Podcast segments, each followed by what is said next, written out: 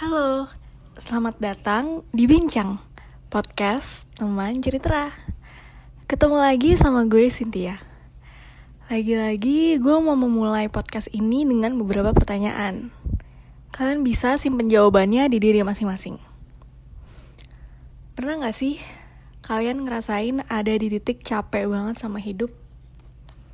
Capek sama akademik, capek sama tanggung jawab non akademik, Rasanya too much is going on dan kalian pengen banget ngelepasin semua beban tanggung jawab yang ada di pundak kalian. Pernah nggak? Gue pernah. Waktu itu gue capek banget karena seperti pada mahasiswa umumnya beban akademik gue rasanya nggak kelar-kelar. Belum lagi harus ngurusin kepanitiaan. Dan organisasi yang secara tidak sengaja chaos di saat yang bersamaan. Rasanya stres, overwhelmed, dan bingung harus ngerjain yang mana karena fokus otak gue jadinya kebagi-bagi. Akhirnya, meltdown. Saat itu gue cerita ke orang terdekat gue. Dan saat itu gue bener-bener pengen ada orang yang dengerin gue ceritain tentang beban-beban gue. Tapi, apa yang terjadi? Gue yakin semua yang dengerin ini pernah ngalamin juga sih jadi pas gue cerita, orang terdekat gue itu bilang, ya gitu deh resiko sekolah di tempat bagus.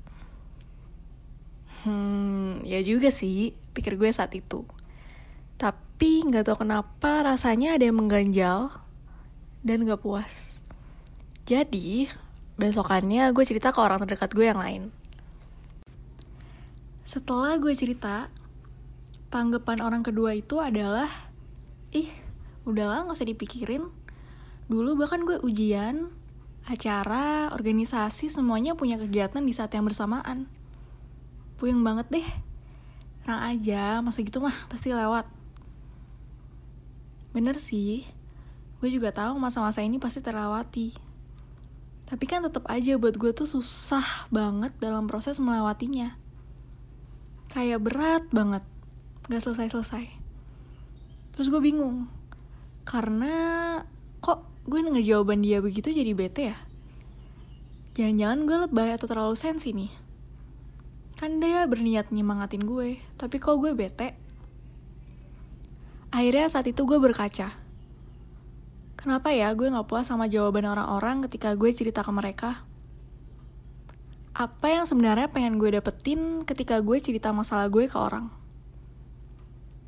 Setelah semalaman suntuk mikirin hal itu dan searching-searching juga di Google, ternyata orang-orang terdekat gue itu habis melakukan toxic positivity ke gue. Apa sih toxic positivity itu sebenarnya? Kalau dari yang gue tangkap nih, gampangnya, toxic positivity itu adalah terlalu menggeneralisasi kesenangan. Intinya lo selalu memandang segala hal dari kacamata positif dan optimis. Loh, bukannya bagus ya? Ternyata nggak selalu bagus loh. Soalnya kalau lo selalu optimis dan positif, ternyata itu malah menimbulkan adanya denial atas beratnya masalah yang dihadapi. Terus ngeremehin deh. Dan jadinya malah melakukan invalidasi dari perasaan yang dirasakan orang lain atau diri sendiri. Contohnya adalah masalah yang tadi gue ceritain.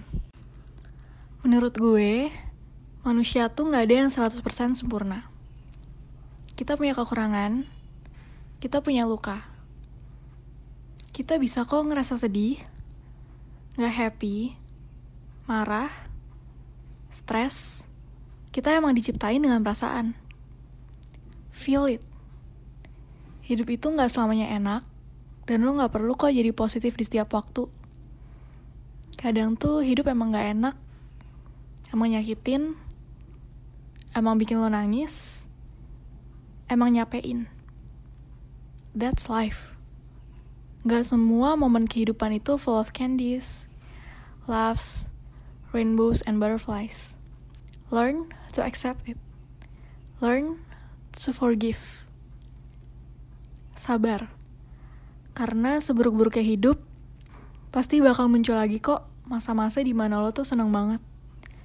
Cuma Mungkin bukan saat ini waktunya. Learn to be patient. And one thing you should keep in your mind is you don't have to be strong all the time. Nangis aja. Gak apa-apa kok. Rasain emosi lo. Kalau lo merasa capek, istirahat sebentar, baru mulai lagi.